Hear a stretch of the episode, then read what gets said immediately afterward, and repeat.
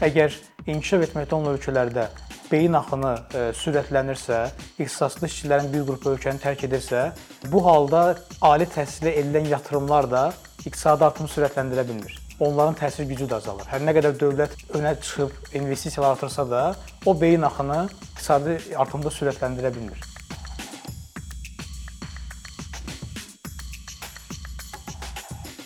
Təmas bəy salam, xoş gəlmisiniz. Çox təşəkkür edirəm ki, vaxt ayırıb əkinçidə iştirak edirsiniz. Mən istəyirəm bugünkü söhbətimizə ilk öncə ali təhsil məsələsindən baxaq. Mən bu yayıma hazırlaşarkən maraqlı statistik rəqəmlərlə qarşılaşdım. Məsələn, diqqət çəkən rəqəmlərdən biri odur ki, Azərbaycanda 15 yaşından yuxarı əhalinin hər 1000 nəfərinə düşən ali təhsilli şəxs sayısı cəmi 136-dır. Bu 136 rəqəmi də nəinki inkişaf etmiş ölkələrdən, hətta qonşu region ölkələrindən keçmiş Sovet respublikalarından bir çoxundan aşağıdır. Hətta dövlətin təhsil inkişafı ilə bağlı bir strateji sənədi var. Orada da qeyd olunur ki, Azərbaycanda e, xüsusilə özəl sektorda ixtisaslı işçi qüvvəsinin çatışmazlığı var. E, çünki 35 26-35 yaş arası gənclərin, ali təhsilli gənclərin 70% dövlət sektorunda çalışır və təbii ki, belə olan təqdirdə özəl sektorda ixtisassız işçilər artır. Və bir maraqlı rəqəm də odur ki, Azərbaycanda iqtisadi fəal əhalinin cəmi 17% ali təhsillidir. Amma məsələn qonşu Gürcüstanda bu göstərici az qala 2 dəfə Azərbaycandan yuxarıdır. Siz necə hesab edirsiniz? Niyə Azərbaycanda e, insanların ali təhsilə çıxış imkanları məhduddur və yaxud marağı azdır? Bunu necə əsaslandırmaq olar? Bəli, bəli, salam bir daha. Təşəkkür edirəm dəvətinizə görə. Mənim üçün də təbii ki, bu mövzuda danışmaq e, xoşdur və Sizin qeyd etdiyiniz məqamlar e, olduqca önəmli məqamlardılar və qeyd etdiyiniz bir rəqəmdən e, çıxış edərək mən də e, bu çıxışımı başlamaq istəyirəm. Yəni Azərbaycanda hazırda əmək bazarında təmsil olunan işçi qüvvəsinin, yəni fəal əhalinin təxminən 17%, yəni daha dəqiq 16.6%-i ali təhsillidir. Əvvəlcə təbii ki, bilirsiniz ki, bu ali təhsilin keyfiyyəti ilə bağlı hələ də şübhələr var. Çünki biz müstəqillik dövründə ali təhsildə təəssüf ki, gözlədiyimiz keyfiyyəti görə bilmədik. Eyni zamanda bu yəni ali təhsilli işçi qüvvəsinin iqtisadi dəyişikliyə, iqtisadi inkişafa nə qədər adekvat olduğu digər bir sualdır.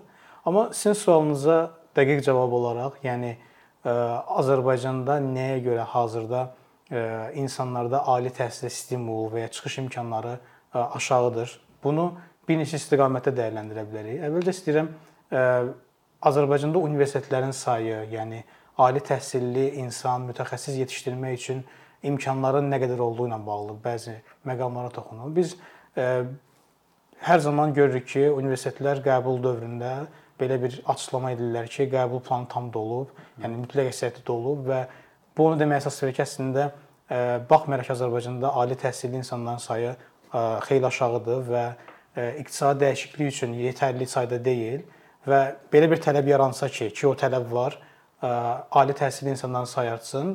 Belə görünür ki, hazırki universitetlərin sayı və onların sahib olduğu yerlər bu tələb üçün yetərli deyil. Yəni ali təhsil sistemi yetərli mütəxəssis təklifini də verə bilmir. Bu digər bir önəmli bir məqamdır mən düşünürəm.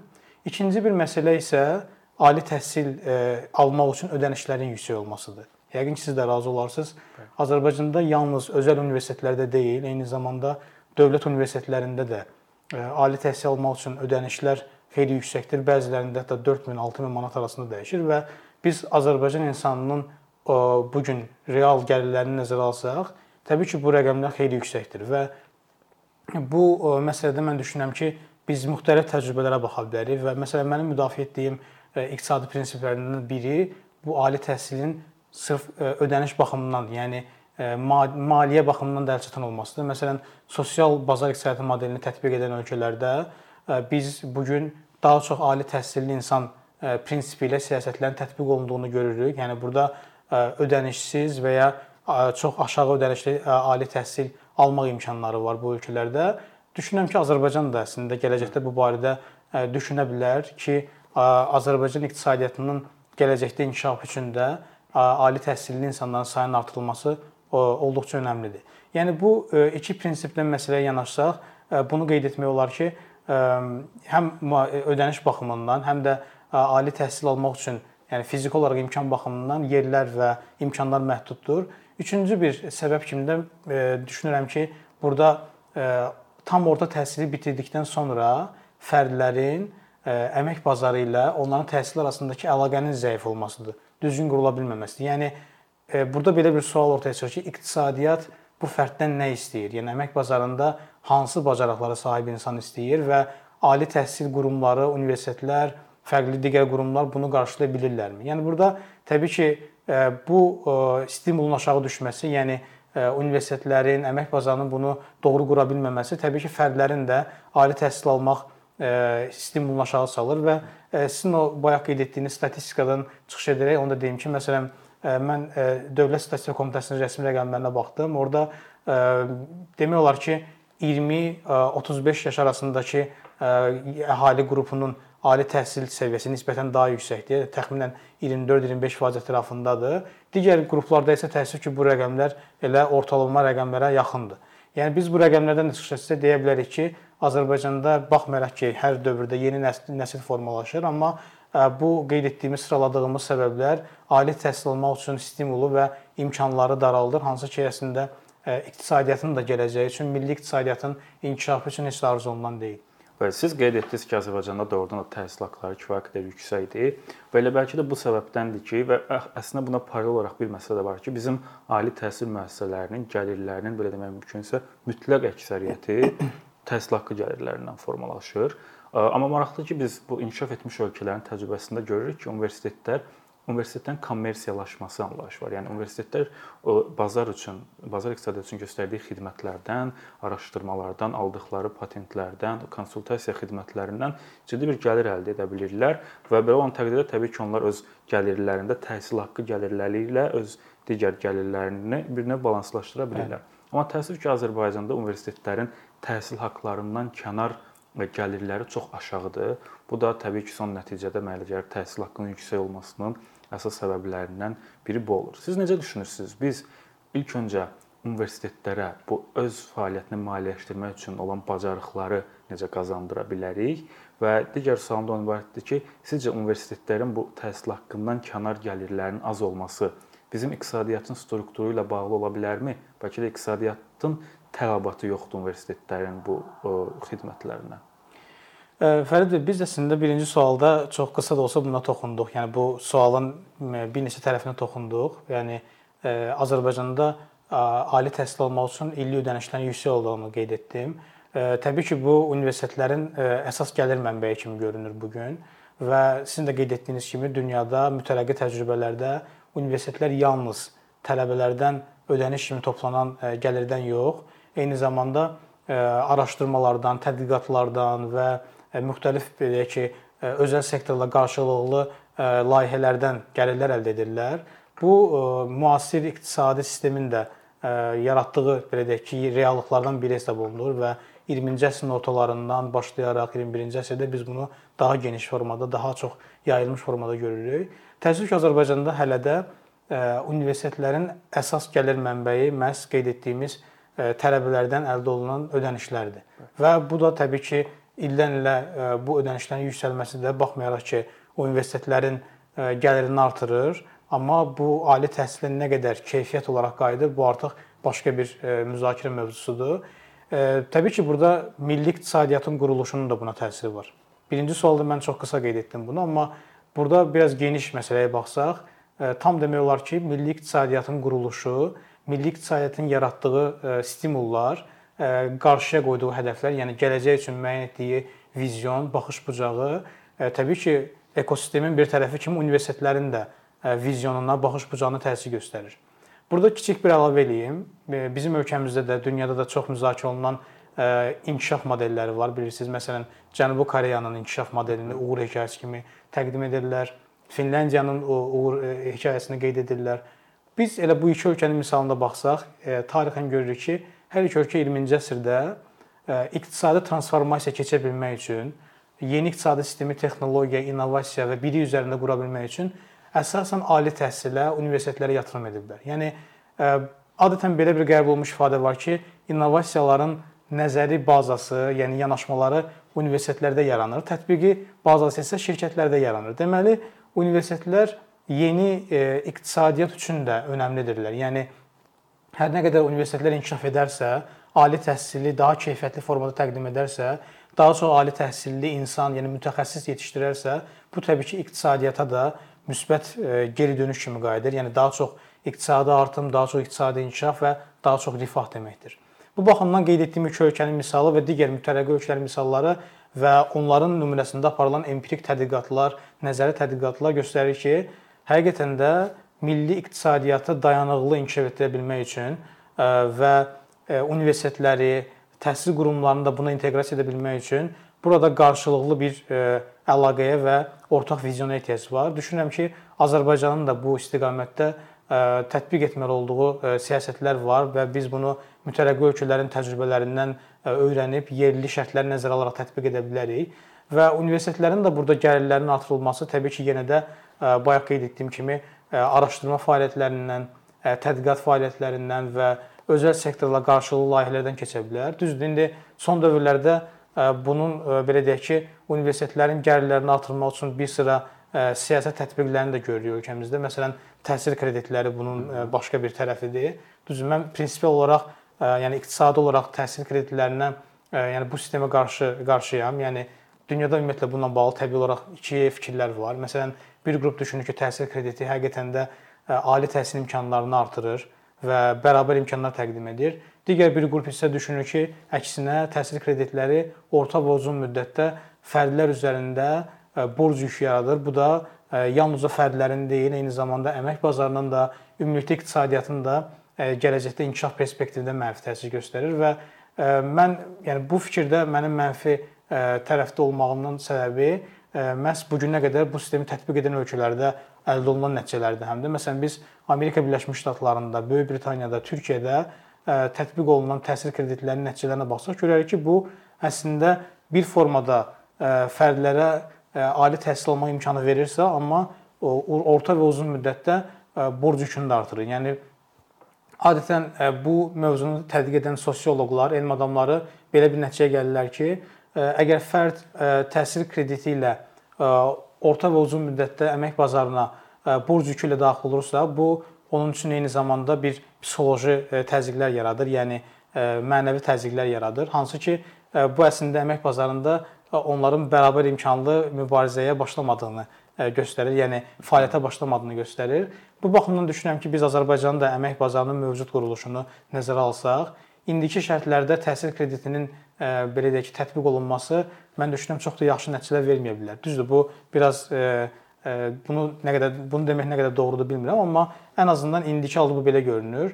O baxımdan universitetlərin belə deyək ki, daha çox ali təhsil verə bilmək və daha çox bunu iqtisadi geri dönüş əldə edə bilmək üçün burada təbii ki, ödənişsiz və ya aşağı ödənişli təhsil sisteminə keçid etmək olar və biz bunu bu sosial müdafiənin daha dayanıqlı qurulduğu ölkələrin misallarında görə bilirik və o ölkələrdə həm işsizliklə bağlı, həm məşğulluqla bağlı, həm də ali təhsilin yaratdığı əlavə dəyərlə bağlı daha müsbət geri dönüşlər görürük ki, bu Azərbaycan üçün də düşünürəm nümunə ola bilər.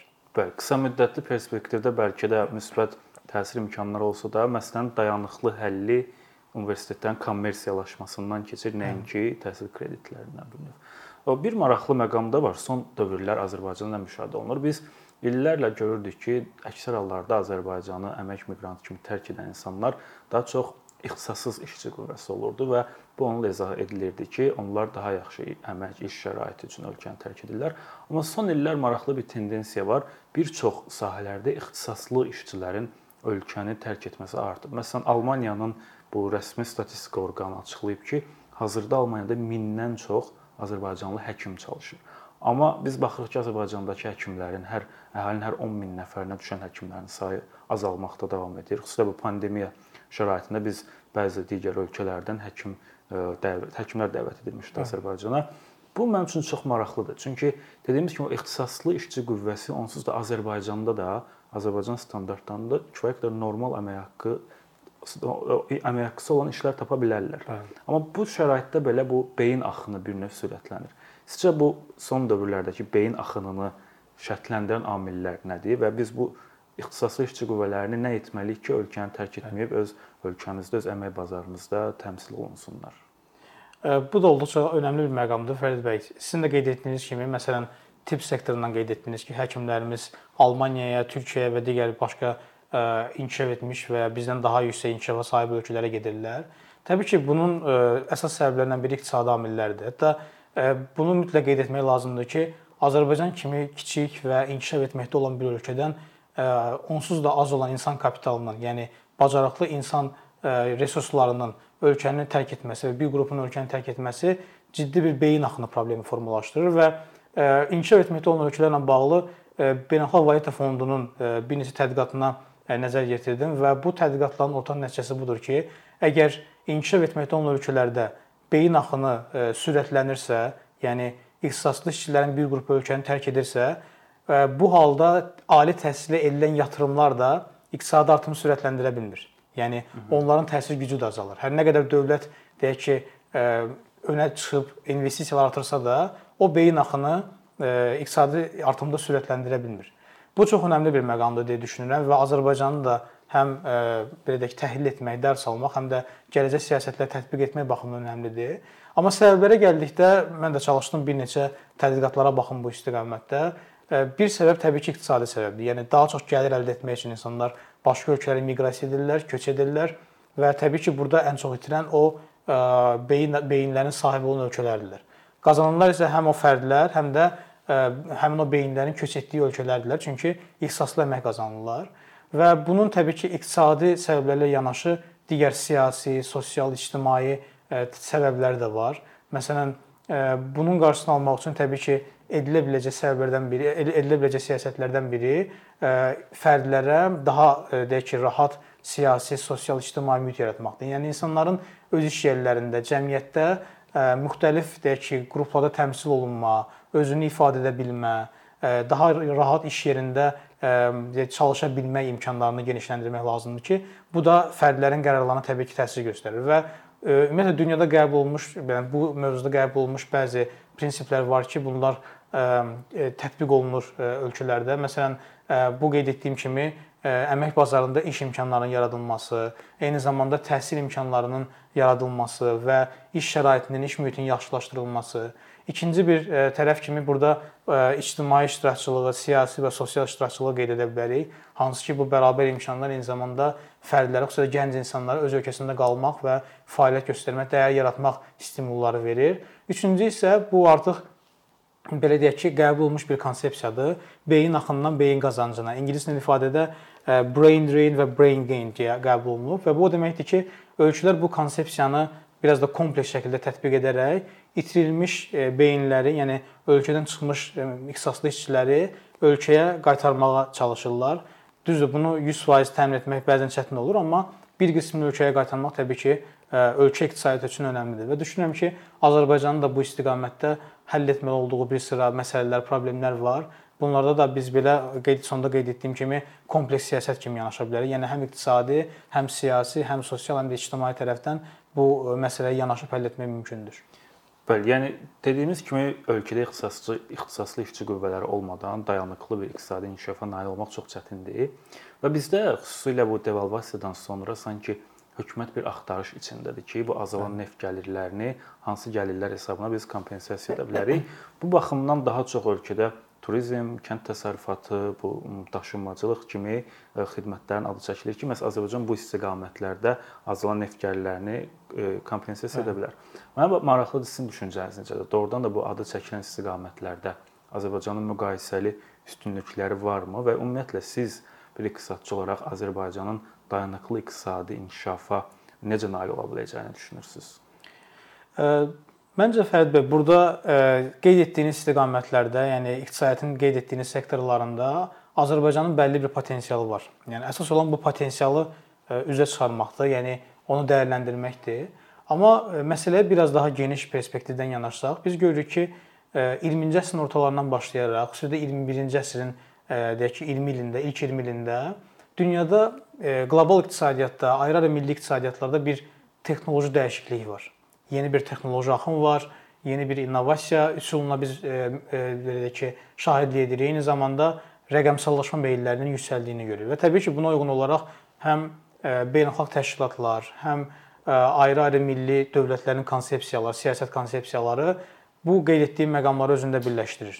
Məsələn, biz burada ayrı-ayrı milli siyasətlərlə yanaşı eyni zamanda Dünya Bankının, Beynəlxalq Valyuta Fondunun, eyni zamanda Birləşmiş Millətlər Təşkilatının, Dünya İqtisadi Forumunun və digər bu kimi təşkilatların, qurumların önə çıxardığı siyasət sənədlərinə baxsaq, görərik ki, bu texnoloji dəyişiklik, rəqəmsal transformasiya meylləri milli iqtisadiyyatlar baxımından da, qlobal iqtisadiyyat baxımından da önə çıxarılır və təbii ki, Azərbaycanın da bu gündəmi izləməsi önəmlidir. Yəni Azərbaycan öz milli iqtisadiyyatını dəyişdirərkən, qurarkən bunu izləməsi önəmlidir. Doğrudur, Azərbaycanda da son dövrlərdə bəzi siyasət sənədləri qəbul olunub. Məsələn, 2030-cu ildə hədəflənən bir milli prioritetlər var. Orada inklüziv inkişafdan, yaşıl iqtisadiyyatdan və dayanıqlı inkişafdan danışılır. Bunlar öz-özlüyündə yaxşıdır, amma bunlar əvvəlki sənədlər kimi yalnız dövlət sənədində qaldığı zaman təbii ki, biz bunun real nəticələrini görə bilməyəcəyik. Və məsələn, inklüziv inkişafla bağlı qısaca qeyd etsək, görərik ki, məsələn, bu nə qədər realdır ki, Azərbaycan bundan sonrakı 8 ildə inklüziv inkişafı təmin edə bilsin. Təbii ki, doğru siyasətlərlə bunu əldə etmək mümkündür, amma öncə inklüziv inkişaf dediyimiz, yəni əhatəedici inkişaf əldə edə bilmək üçün öncə Azərbaycanda gəlir, imkan və sərvət bərabərsizliyini azaltmağa ehtiyac var. Yəni daha ədalətli bir iqtisadi sistem qurmağa ehtiyac var. Yalnız o zaman biz inklüziv inkişafa çatmaq üçün başqa siyasətlər tətbiq edə bilərik. Məsələn, digər bir siyasət isə digər bir hədəf isə daha doğrusu rəqəmsal iqtisadiyyata keçidlə bağlıdır. Bunun üçün də bilirsiniz ki, rəqəmsal iqtisadiyyata keçmək eyni zamanda iqtisadiyyatda iştirak edən tərəflərin, yəni fərdlərin, ev təsərrüfatlarının, şirkətlərin texnoloji rəqəmsal imkanlarını artırmaqdır. Yəni onlara rəqəmsal üsulları, həll yollarını əlçatan etməkdir. Bu isə təbii ki, həm də təhsillə də bağlıdır. Yəni təhsil və tədris sistemi ilə də bağlıdır. Çünki burada bir formada biz yeni bacarıqlardan danışırıq. Yəni yeni iqtisadi quruluş, iqtisadi transformasiya, xüsusilə rəqəmsallaşma özü ilə bərabər yeni bacarıqlar gətirir və biz bunu praktik olaraq COVID-19 pandemiyası dövründə gördük. Yəni COVID-19 pandemiyası həm tələbdə, həm də təklifdə ciddi rəqəmsal dəyişikliklər yaratdı. Bu bir növ bizim həyata baxışımızı da dəyişdirir və biz pandemiyanın 4-cü sənaye inqilabı dövründə baş verdiyini də nəzərə alsaq, tam əminliklə deyə bilərik ki, bu yeni bacarıq tələblərini biz yalnız təhsil, təlim və yenidən təlim üsulları ilə edə bilərik və bunu da təbii ki, əsas aparıcı qüvvələrdən biri ali təhsil qurumlarıdır, universitetlərdir və bunu təşviq edən iqtisadi sistemdir. Bu baxımdan məncə Azərbaycanın bundan sonrakı dövrdə yeni iqtisadi quruluşunu müəyyən etmək və reallaşdırmaq üçün məhz o qlobal trendə uyğunlaşaraq, yəni qlobal rəqəmsallaşma trendinə uyğunlaşaraq, amma daxildə də mövcud olan problemləri ayrı-ayrı selektiv yanaşma ilə həll etmək önəmlidir. Burada biz yəni sonda onu qeyd edim ki, mən burada universitetlərin və akademik sektorda təmsil olunan qurumların, dövlətin və özəl sektorun qarşılıqlı fəaliyyətini önəmli sayıram. Bilirsiniz ki, bu dünyada son illərdə, son 10 illiklərdə qəbul olunmuş bir münasibət formasıdır, üçlü inkişaf modeli və son dövrlərdə hətta bunun dördlü inkişaf modelinə keçid müşahidə edilir. Yəni burada biz artıq vətəndaş cəmiyyətinin də bu prosesə qoşulduğunu görürük. Çünki artıq yerlərdə olan problemləri belə deyək ki, müzakirə, mədəni müzakirə əsasında danışmaq, həll etmək daha təsirli yoldur nəinki o problemləri ignor etmək, onları ümumiyyətlə qəbul etməmək. Bu baxımdan qeyd etdiyimiz tərəflərin də təbii ki, qarşılıqlı münasibətlə yanaşı öz məsuliyyətləri də, öz öhdəlikləri də olur adətən və doğru qurulmuş milli iqtisadi sistem adətən bu münasibətləri yaxşı mənada tətikləyir. Yəni bir növ onlara stimulları yaradaraq doğru istiqamətlər müəyyənləşdirə bilər. Düşünürəm ki, Azərbaycanın da bu istiqamətdə getməli olduğu bir yol var və bu yolda əsasən qeyd etdiyimiz kimi akademik sektorun, dövlətin, özəl sektorun və vətəndaş cəmiyyətinin qarşılıqlı münasibətlərindən keçir. Siz də qeyd etdiniz ki, bu qlobal iqtisadiyyatın strukturunda ciddi dəyişikliklər baş verir, xüsusilə rəqəmsallaşma, texnologiyanın inkişafı və bu sənaye 4.0-ın gətirdiyi çağırışlar Təbii ki, bu yeni yanaşma əmək bazarına da təsirsiz ötüşmür və bu bir növ həm də ali təhsil müəssisələrinin də fəaliyyətinə əlaqədardır. Mənə maraqlıdır ki, bu sənaye 4.0-ın və bu texnologiyanın inkişaf etdiyi bir dövrdə qarşıdakı illərdə hansı ixtisaslara tələb arta bilər, hansı ixtisaslar aktuallığını itirə bilər və Azərbaycanın ali təhsil müəssisələrinin hal-hazırda təklif etdiyi ixtisaslar buna adekvatdırmı? Yəni bizim əmək bazarımız və ali təhsil müəssisələrimiz bu yeni çağırışlara nə qədər hazırdır sizcə?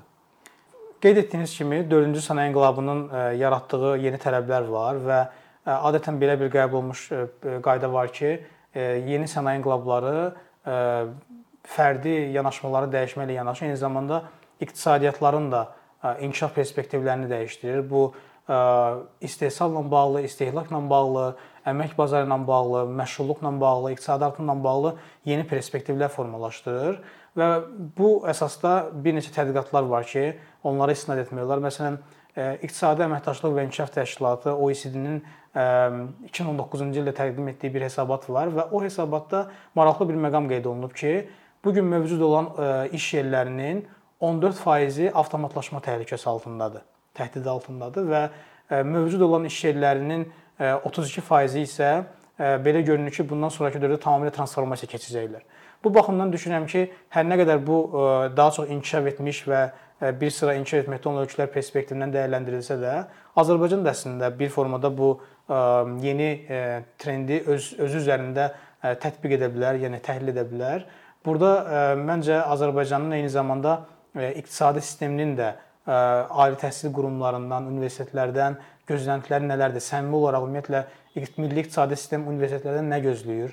Hansı istiqamətlərdə daha çox inkişaf gözləyir? Bunları əvvəlcə müəyyən etmək lazımdır və dünyada qəbul olunmuş bu dediyim ortaq prinsiplərə əsasən bəzi iş yerləri, məsələn, deyək ki, mühasiblər qeyd olunur. Bunlar 4-cü sənaye inqilabı dövründə əmək bazarını tərk edə bilərlər. Yəni artıq texnologiya onların işini əvəzləyə bilər, amma məsələn data təhlillər, təhlilçilər kimi eyni zamanda rəqəmsallaşmaya əsaslanan digər yeni peşələr də biz görürük ki, əmək bazarına daxil olur və təbii ki, yaxşı olar ki, Azərbaycanda ali təhsil sistemi də bu yeni trendləri izləyərək mütəxəssis hazırladığı zaman bu qlobal trendləri əsas alsın və ali təhsil qurumları yeni tədris kurikulumları hazırlayarkən, yeni kurslar hazırlayarkən təbii ki, bu qlobal trendi izləməsi önəmlidir.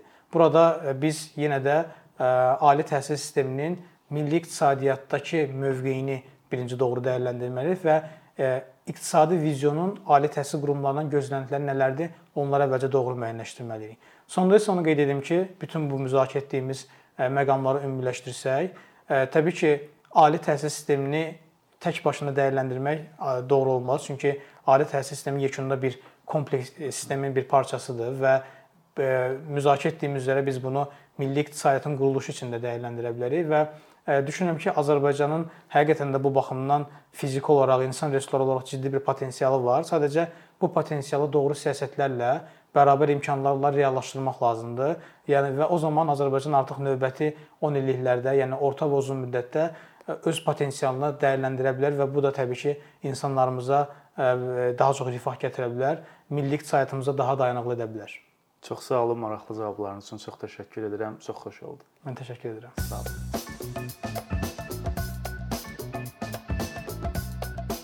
Bir neçə ildir ki, əkinçi olaraq Azərbaycanlı izləyicilərin hər zaman faydalana biləcəyi keyfiyyətli və ən əsas ödənişsiz kontent hazırlamağa çalışırıq. İndiyədək təqdim etdiyimiz onlarla animasiya və yüzlərlə çəkilişlər tələbələrin, mütəxəssislərin, müəllimlərin və ümumiyyətlə yeni mövzulardan xəbərdar olmaq istəyən çox sayda insanın marağına səbəb olub.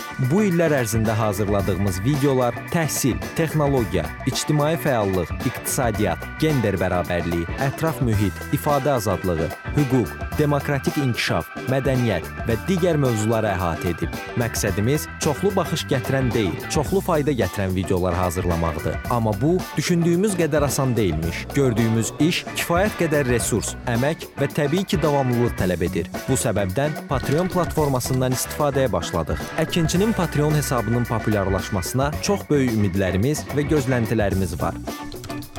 Bəziləriniz Patreon haqqında ilk dəfə eşidirsiniz. Əslində çox sadə izahı olan bir platformadır. Təsəvvür edin ki, siz rəssam və ya musiqiçisiz. Sosial şəbəkələrdə sizi izləyən, işinizi bəyənən çox sayda insan var. Patreon platforması sizə imkan verir ki, izləyicilərinizin könüllü aylıq ödənişləri sayəsində işinizi davam etdirəsiz. Sərgi, konsert zallarından asılı qalmayasınız. Amma bu təkcə rəssam və musiqiçilərə aid deyil. Məsələn, əkinçiyə bənzər fəaliyyətlə məşğul olan bəzi layihələrin 10 minlərlə minlərlə patronu var. Biz də düşündük ki, nə üçün əkinçinin Patreon hesabı olmasın? Sizin dəstəyiniz sayəsində biz daha çox və daha keyfiyyətli kontent yaratmağa davam edə biləcəyik. Amma bu dəstək yalnız maddi dəstək deyil. Dəstəkçilərimizin sayının artması gördüyümüz işlərin faydalı olduğuna dair əminlik verir. Patreon platformasından istifadə çox sadədir. Hesabınızı açırsınız, sizə uyğun dəstək növünü seçirsiniz və Patreon özü hər ayın ilk günü kartınızdan seçdiyiniz dəstək növünə uyğun ödəniş tutur. Bu qədər.